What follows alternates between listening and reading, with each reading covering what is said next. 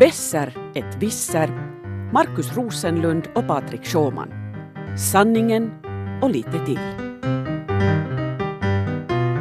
Du lyssnar på en Svenska Yle-podd som den här gången handlar om risker, bland annat med att låna pengar åt folk. Men först så tänkte jag, Markus, eh, det här, vi har ju talat mycket om ny teknik och hur saker kopplas upp och så här. Har du koll på riskerna med att ge ut sina personuppgifter på nätet och hur de används fel? Det här GDPR? Jag hade för avsikt att läsa eh, e EUs nya dataskyddsförordning men, men den är över 50 000 ord lång, eh, 200 sidor. Så, så det där, jag tänkte lyssna på den ikväll. BBC har nämligen spelat in den. De har anställt en ljudskådespelare och haft honom att, att läsa upp den med en sådär lagom monoton röst. De, de marknadsför den då som en eh, godnattsaga åt vuxna. För, för, man lär somna jättesnabbt. Ska vi lyssna på den? Och så lär man sig dessutom samtidigt. Vi kan tyvärr inte lyssna på BBCs version för den, den har vet du copyright och det ja, är så vidare. Men jag har satt min telefon nu till att uh, spela upp uh, den här, jag letar upp den här själva förordningen på EUs webbplats och nu sätter jag min, min mobiltelefons inbyggda eh, läsarröst att läsa upp en snutt från den. Så, så om ni har svårigheter med att somna just nu eller, eller vill lära er någonting om det här så lyssna nu. Europaparlamentet och Europeiska unionens råd har antagit denna förordning med beaktande av fördraget om Europeiska unionens funktionssätt. Särskilt artikel 16. Beaktande av Europeiska kommissionens förslag, efter översändande av utkastet till lagstiftningsakt till de nationella parlamenten. Du, du, du sköna nya Oj. värld, Markus. Välkommen tillbaka Oj, till, till, till, till verkligheten. Varför väckte du mig? Jag var just på, på, på en söderhavsö och palmerna vajade och, och, och det där Scarlett Johansson dansade hula hula Ja, men, men det var, du kan vara lugn för hon missbrukar inte dina personuppgifter. No, men, no, men det, nej, nej, det är ju klart, det här var ju en fin dröm det här, vet du. Det var ingen mardröm.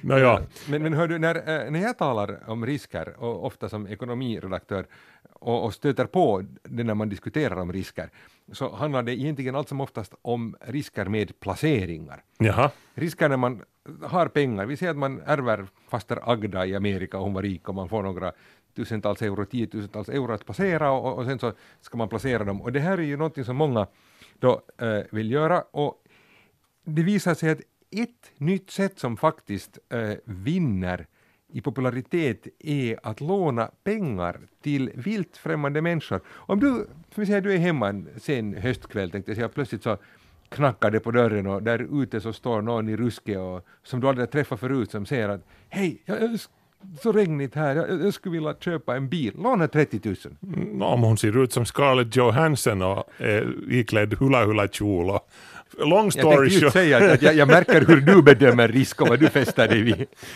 nej, nej, hör du. Det, det, det skulle, här skulle ju förstås förutsätta att jag, att jag har 30 000. Men vi säger att du har nu ärvt rika fasta Ragda i USA, så ja. du har dem. Nej, ja, nej faktiskt inte. Jag, jag skulle nog, jag, jag, en, jag hör till de där mera Eh, risk-aversive typerna, vet du, de här som eh, snarare tar, tar till flykten. Vet du. Man har ju att välja mellan fight or flight i en sån här valsituation. Där ska jag stanna och slåss eller ska jag springa? För den där sabeltandade tigern ser nog ganska farlig ut. Jag, jag är nog den som väljer att, att springa. Vet du. Det är så stora risker ändå förknippat med, med det här. Jag spelar nästan aldrig till exempel på enarmade banditer heller. För för jag vet äh, enligt statistiken som är involverad i det här, äh, matematikens lagar säger mig att huset vinner alltid. Det, det är riggat till husets fördel. De här maskinerna är alltså riggade till husets fördel. Jag kommer med största sannolikhet att vandra ut ur den här äh, transaktionen som en förlorare. Det är liksom ingen idé att försöka vet du, Äh, tumma på hartassen i fickan eller, eller den där fyrklövern eller, mm, eller det är min, mitt barns födelsedag som jag satsar mina lottorader äh, på. Eller, för, för huset vinner ändå alltid. Ja men okej, eh, okay. Eh, hur låter det då för dig att det här faktiskt blir allt mer populärt? Alltså att vanliga människor lånar då pengar till vilt främmande människor som skulle vilja då låna pengar antingen för en bil eller till något annat eller till och med en bostad. Faktiskt så pass mycket att det här har vuxit med 67 procent eh, från 2016 till 2017. Och enligt Finlands banks uppgifter så har privatpersoner nu lånat ut närmare 107 miljoner euro till andra privatpersoner via sådana webbplatser på nätet. Mhm. Eh, Det här är ju eh, enorma summor. Eh, Jag menar okej, eh, jag förstår, jag brukar också alltid, varje gång som en enarmad bandit ringer på dörren och ber om pengar så brukar jag också skicka iväg den. Men det där, eh, om det nu kommer någon som ser ganska representabel ut och knackar på din dörr och säger att hej, och det, jag skulle liksom, jag, ger dig en ränta, du kan få 8 till 14 procent på placeringen. Vad säger du då Marcus? Nej, men jag säger samma sak som, som när det kommer en pultsare i, i stationstunneln och frågar att, att hej, att heter pari euro bussilippuun. Jag säger, säger att ser jag ut som en biljettförsäljningslucka? Gå, gå, vet du, den är där uppe. Gå, jag skulle säga samma sak åt den här typen, att ser jag ut som en bank? Varför går inte de till banken? De, de, de får antagligen lägre ränta också på banken. Absolut får de en lägre ränta på banken. Uh, problemet är ju här att de här bolagen lyckas ändå sälja, alltså det som händer här ju det, det är alltså nätbolag som förmedlar de här lånen. Och de lyckas ändå hitta kunder och en stor del av dem kanske har gått till banken och försökt få pengar, men att banken har tyckt att de inte har varit trovärdiga, så att banken har inte velat låna åt dem, och också EU-reglerna gör ju att bankerna inte får låna åt riktigt vem som helst. Så nu så tycker de här att de ska komma till exempel dig och vi ser att du har faktiskt ärvt av faster Agda, så du har nu de här pengarna och du funderar på att något måste du göra med dem, och så står den människa som verkar lite trovärdig framför din dörr, eller i det här fallet i andra änden av en sån dataservicetjänst eh, och säger att hej, låna pengarna åt mig, inte sätta i aktier till exempel, utan låna till mig, du, du får så här bra ränta, 8-14 procent. Men, men jag menar, har jag, har jag varit med om något slags lobotomi här nu som ingen har berättat Men, eh, var, varför skulle jag vara så dum? Det, det, det måste ju finnas uh, 31 smartare och, och lättare och enklare och mindre riskfyllda investeringsmöjligheter på marknaden. Vad är det för fel på hederliga gamla obligationer eller jag vet, jag vet inte. En, en bostad. Köpa en bostad då för de pengarna. Varför? Nej, bostaden är ju dyr och besvärlig kan du tycka, obligationer ger inte så mycket ränta. Faktum är att alltså, det här är ganska intressant för vi har fått ett system som ett slags oreglerad bankverksamhet som byggs på de vanliga bankerna. Alltså, och det här, som vi ser, det här växer jättemycket. Alltså- Vanliga människor vill låna pengar till vilt främmande Är det här nu något slags version av den här trenden som är på gång på en massa andra olika områden? Det här till exempel Airbnb, att du, du lånar ut din bostad åt någon annan från ett annat land mot, mot pengar eller att du Eh, du, allting ska ju vara peer-to-peer nu för tiden, från en människa till en annan. Man ska eh, Uber till exempel, eller eh, svarta taxin, vad, vad, vad de nu alla heter. Alla sådana här gamla strukturer ska ju förbigås och det ska, det ska ske sådär från en gräsrot till en annan. Är, är det här nu en del av den trenden? Alltså det kallas ju på engelska peer-to-peer lån det här. Ja. Så att eh, det är huvudet på spiken. Eh, Det är ganska intressant, alltså, från början var det ju tänkt just så här att, att någon människa har pengar, någon annan människa behöver ett lån och så har man en förmedlingstjänst och då är det nu ganska enkelt. Och, och då kan också, eh, när det fungerar så här så kan också den som lånar ut pengar faktiskt se hur ser den där andra människan ut. Är det en riggad enarmad bandit eller är det någon som ser ut som en knarkare eller är det, är det någon som verkar trovärdig och, och bestämma det här.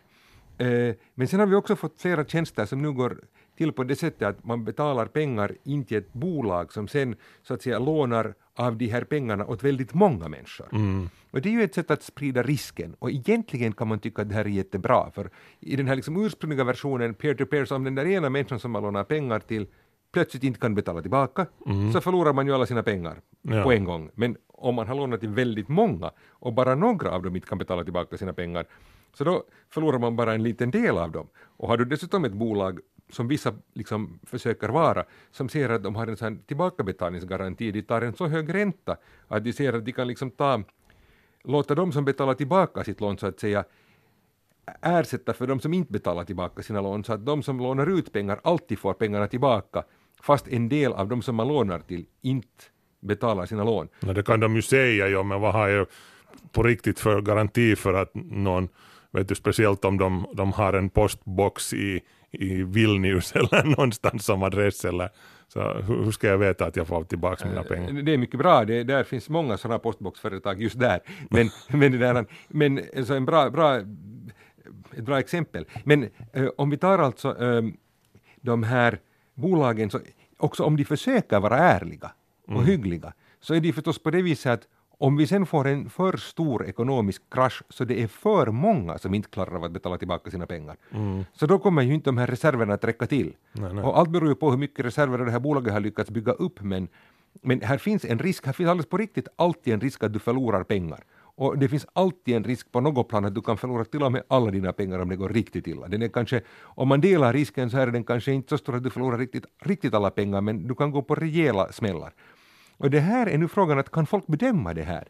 För, för man ser liksom på aktiemarknaden och ser att ah, den har varierat lite och den har fluktuerat och är den så bra? Och, och, och, och sen så ser man på andra placeringsformer där man har långa tidsserier och har mycket data och kan säga, jag menar aktiekursen, du kan läsa varje dag hur, hur de fluktuerar och hoppar upp och ner. Man kan tycka att ah, det, här, det här är kanske ett annat alternativ. Problemet med ett sånt här alternativ är det att det kan se jättebra ut jättelänge tills den där personen som har lånat eller de som har lånat inte kan betala tillbaka sina pengar och plötsligt faller allt på en gång.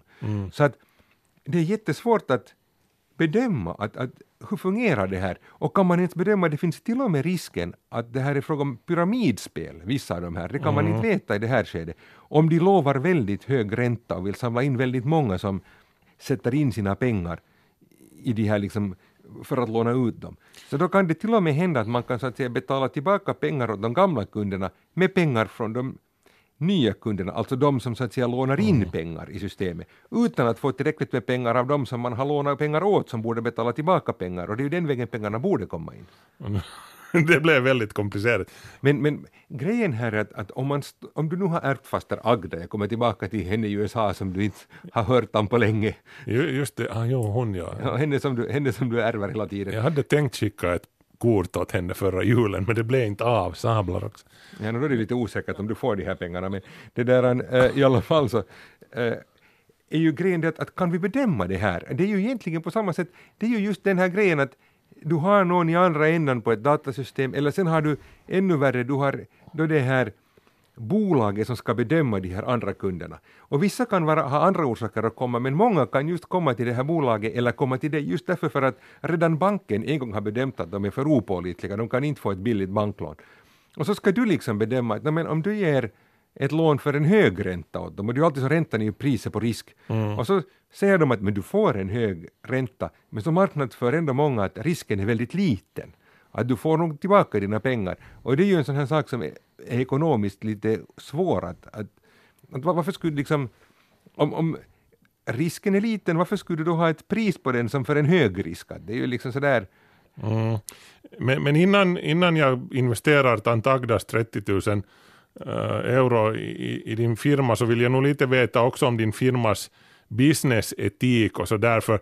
För, för sådana här grejer får, får för mig bilder att uppstå i huvudet av, av vet du, gamla gangsterfilmer från, från 30-talet eller, eller någonting med loan sharks eh, på hörnet som står och, och vet du, du kommer dit och är att kan jag få, jag behöver 100 dollar till, till lönedagen och, och så får du dina 100 dollar och sen kommer, så, sen kommer då den här Don Luigis torpeder och knackar på, på på kvällen på dörren och, och vill ha tillbaka sina pengar med 1000 procent ränta. Det, är, är, det, är det nu allting liksom verkligen, är det, är det vitt mjöl i påsen? Alltså just det där som du säger är det ju förstås. Naturligtvis. Alltså, ja, alltså, det där, äh, alltså man kan säga, och det måste ju vara så alltså att du svänger på det här hela tiden, men du är ju den som nu ska låna ut pengar till någon annan. Och då så lovar det här företaget, om du nu sätter mig som ett sådant företag, att, att jag kommer nog att driva in de här pengarna, att om, om de inte betalar tillbaka lånet så skickar nog någon efter dem åt dig, att var inte orolig. Ja, men det så det är det- du som skickar ut Don Luigi nu i det här fallet? Nej men det, det är just det här jag försöker komma till, att inte tänker jag låna ut eh, mina Tantagdas 30 000 till en firma som jag vet, vet att har torpeder som går hem och knäcker knäskålarna på folk för att få tillbaka mina pengar. Det finns ju många olika sorters indrivning. Det finns allt från ganska eh, liksom hyggliga företag som behandlar kunderna någorlunda respektfullt Ja. respektfullt, eh, till då eh, sådana som anlitar motorcykelgäng som kommer med just cellträn och, och andra eh, små övertalningsredskap. Inte, du måste nog följa med och firmorna och titta lite att vad, vad är det de använder och hur fungerar det. Samtidigt är ju tanken det att du vill faktiskt ha tillbaka dina pengar, inte det bara så att du vill strö ut dem till en massa suspekta låntagare som bara ser att jag orkar inte betala tillbaka. Det, det regnade igår och, och det var mm. motvind när jag skulle gå hem från jobbet och därför sa jag upp mig. Det, Ja. Nej, men en, en annan sak som jag nog vill, vill veta innan jag mm, ger mina pengar vidare till utlåning åt, åt andra så, så är nog också att vad säger lagen, vad, vad är min ställning inför lagen och, och vad finns det för regler som reglerar hela den här verksamheten, hela den här branschen. Är det, är det lite en djungel ännu i det här Ja, landet? absolut, det är just så det är. Ja. Det är precis det vad det är. Och det är det som är det, det fina och vackra i det här, tänker man. Alltså, vi har ju bankverksamheten är ju jätte, jätte reglerad. Och det är också en av orsakerna till att bankerna inte lånar pengar till riktigt vem som helst. Eh, Men samtidigt är det alltså så att problemet är ju det att om det sen blir en recession, om vi får dåliga tider, så kommer ju ofta bankerna och knackar på skattebetalarnas kista och säger att, vi måste, att ni måste rädda nu banken. Och det här vet man ju, för man har ju sett att så har det gått i bankkriser.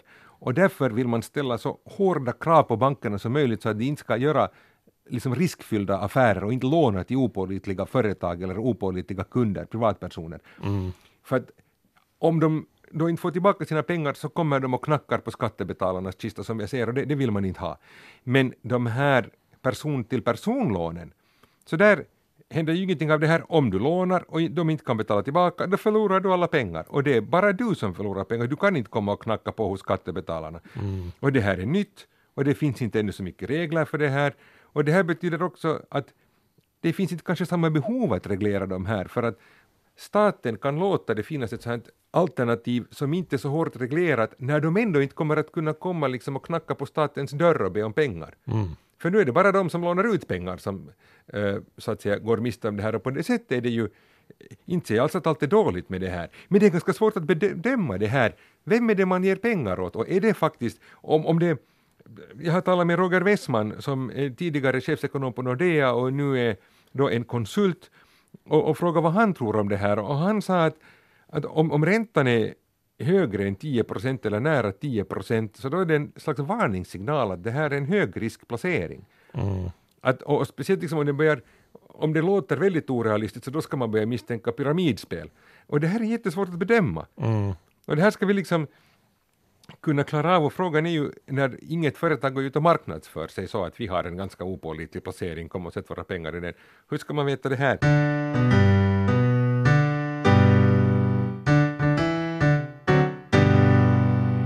Som ekonomiredaktör så är det ju så här man vill liksom informera folk och, och så här hjälpa folk att, att just fatta informerade beslut och kanske mana till eftertanke just så här. Och som du säger, kolla upp företagen, det var ett bra svar att du ville göra det. Men sen så lyssnade jag faktiskt här på ett, ett inslag på nätet eh, som gjorde mig lite mörkrädd här om dagen. Eh, det är en, Okej. en, en sånt föredrag, det är en eh, det handlar inte alls om ekonomi, det är en eh, professor i kognitiv neurovetenskap vid eh, då universitetet i Sussex, han heter Anil Seth och han har hållit ett sånt föredrag sånt, på den här TED som finns, man kan se. TED Talks, ja. TED Talks, ja.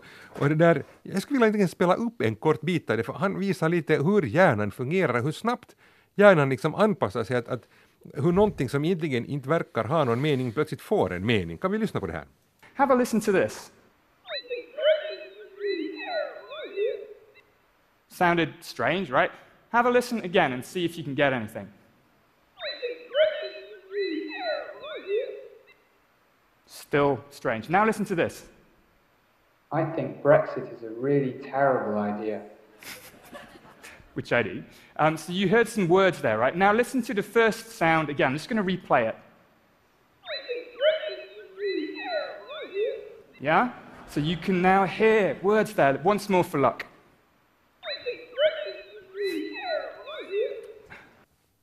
Det var en lurig eh, krabat där. Eh, Plötsligt så hörde vi det som fanns där. Eller fanns det där? Eller var det bara för att vi nu plötsligt vet vad det är vi ska leta efter som, som vi plötsligt hörde där, I think Brexit is a, a terrible idea. Det, Ja, alltså det, det, det, ju, det kan jag i och för sig nästan hålla med om att det antagligen är, men, men, men det här, jag, jag tappar ju tron på hjärnan när jag hör det här. No, men hjärnan, är, hjärnan ska man inte eh, tro på alltid. Den, den kör sitt eget race, men den vet mer än vad, vad du kanske tänker dig. Den, vi har ju någonting som heter intuition. Det är vårt undermedvetna som, som jobbar och, och, och det är ju väldigt viktigt för, för, ska vi säga, just den som jobbar inom finansbranschen, för där, där måste man fatta split second decisions. Vet du. du måste fatta ett beslut på, på en bråkdels sekund. Saker och ting rör på sig. Du måste bestämma dig ganska fort. att Litar du på den här människan? Ska jag göra den här investeringen? Eh, Eller ska jag tacka nej eller någonting? Och, Eller om du tänker då låna pengar till främlingar. Ja, och, och då måste du ju ofta just falla tillbaka på, på, på de här hjärnans uh, färdiga templat som, som den är försedd med, som du är försedd med ända sedan uh, eh, savannens dagar i, i, i Afrika. Vet du. Vår hjärna är ju av evolutionen utrustad med sådana här mentala modeller, templat som ska hjälpa oss att eh, fatta ett beslut i en avgörande stund om du står där på savannen, det kommer något djur lunkande där och, och det kan vara en, en, en sabeltandad tiger som kommer för att äta dig, men det kan också vara ett djur som du kan äta upp och på det viset överleva. Så du måste ganska fort bestämma dig att ska du springa eller ska du slåss, fight or flight. Eh, ska du ta risken eller ska du är det bättre att springa iväg. Vet du. Väldigt många djurarter som harar och, och antiloper är helt och hållet uppbyggda kring det här andra alternativet att springa iväg. Medan vi människor är någonstans där mitt emellan. Vi, vi är dels ganska bra nog på att springa men vi, har- vi har också blivit ganska bra på att slåss och så, så vidare bortåt. Och, och, och därför har vi de här templaterna i hjärnan som får oss att att höra och se saker som inte nödvändigtvis finns där. Vet du. Jag läste här just på internet om att på internet man läser en massa saker. Det är några ufo-entusiaster eh, som har, igen har hittat Äh, ett ansikte, en, en vad heter det, medeltida krigares profil i en sten som äh, uh, Mars-rovern Curiosity har fotat på. Så, så nu, har, nu, nu, har de vatten på kvarn och tycker att det har funnits någon slags uh, ancient alien civilisation som har lämnat ett, uh, byggt en någon slags, någon slags staty på Mars och där ligger den. Vet du. Eh, alltså, nu är det här ju då en podd som, där vi inte har någon bild, men alltså, om någon nu skulle kunna se på mig så jag ser ju närmast liksom fullkomligt förstörd ut här, med vidöppna ögon och hängande haka och, håret på ända och tittar med stor misstro på, på dig. Är det, är det den här hjärnan som vi ska fatta de här besluten om? Vi har då det här, de här lånen och där sitter någon liksom som påstår att den är jättetrovärdig och jag ska bestämma att dig lånar jag fasta Ragdas pengar till och det är den här hjärnan som eh, hämtar allt liksom, sina funktionsmekanismer från savannen och tror att det finns liksom sådana helt virriga mönster på Mars. Ja, nå, den här hjärnan är ju förstås beroende också av vad den har hört och sett och erfarit i, i det förflutna. En erfaren jägare Uh, har lite bättre möjligheter att fatta ett vettigt beslut i det här fallet. Uh, på samma sätt en, en, en erfaren person eller ska vi se min egen mamma till exempel som var socialarbetare i 40 år så hon kunde komma hem till en klient och på hembesök och titta omkring sig i 30 sekunder och, och veta sådär in, in, intuitivt att okej den här familjen har den här situationen och skulle behöva det här och det här och det här. Så, så, så hjärnan behöver den här databasen, alla hjärnor har inte det. Det är just därför som jag inte skulle låna ut Agda, tant Agdas pengar och, och din firma, för jag har absolut ingen, vet du, bara för att jag kanske i, i en tight situation skulle kunna avgöra om det är dags att springa undan en, en sabeltandad tiger eller, eller kanske istället bygga en, en brasa för att grilla en gnuburgare så, så, så har, betyder inte att jag har någon som helst förutsättning att avgöra om, om din firma är värd att, att satsa tant Agdas 30 000 euro på. Ja, eller de som vill låna pengar från den här firman som vi då leker Ja, att jag har. Ja. Eh, Men ändå så, alltså, det här låter ju då som att man måste skaffa sig den här erfarenheten av att göra en massa misstag och förlora en massa pengar kanske i processen till exempel. Om vi då är här på den här marknaden. Och, och fast Ragda, man kan ju inte ärva fast Ragda varje år. Det är ju ganska frustrerande det här. Men så här är det ju. Det är, livet är risker och riskbedömningar och, och vissa risker ger en högre utbetalning och, och har du den där intuitionen kalibrerad rätt så, så vinner du på det. Och jag menar, grattis till alla er som har, har era svanbåtar liggande där nere vid, vid kajen. Ni har tydligen kalibrerat er intuition rätt. Men det lät jättebra när du talade om din mamma, hur duktig hon hade blivit och hon kunde komma hem och se liksom att ah, den här familjen måste minsann stödja för annars har vi ett drogproblem om sju och ett halvt år. Mm. Eller någonting. Men, men nu visade det sig att, att Esbo tror inte mera på det här. Ja, Esbo har tillsammans med IT-konsultföretaget Tieto nu eh, under ett år här kört ett försök med artificiell intelligensanalytik. De har tagit då uh, patientdata från 520 000 personer uh, inom uh, social och hälsovården och, och det här satt den här AI, den artificiella intelligensen att, att försöka hitta mönster där, vet du. Pattern rec recognizing species, det är vad vi människor är, men datorer kan tydligen också vara det.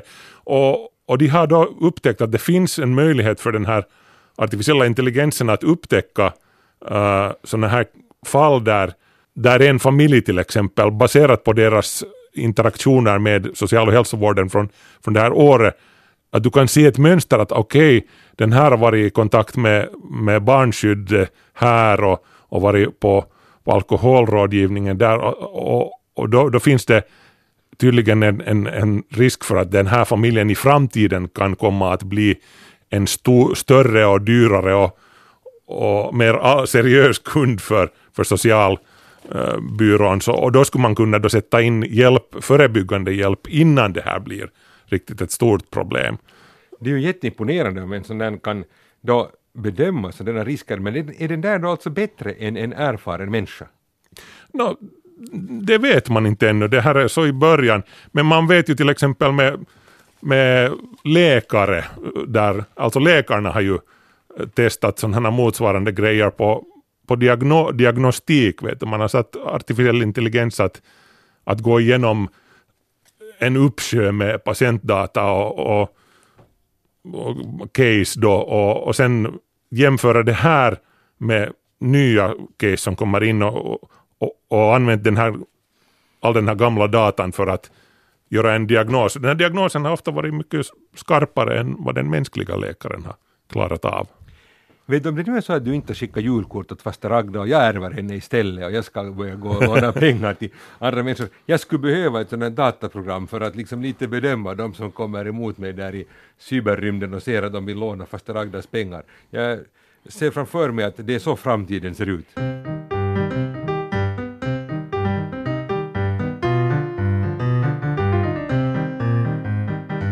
Du har lyssnat till Marcus Besser Rosenlund och Patrik Wissar Schauman. Och om du inte hörde oss idag så låna pengar till en ny mobil och lyssna på oss nästa gång. Eller pantsätt din nuvarande.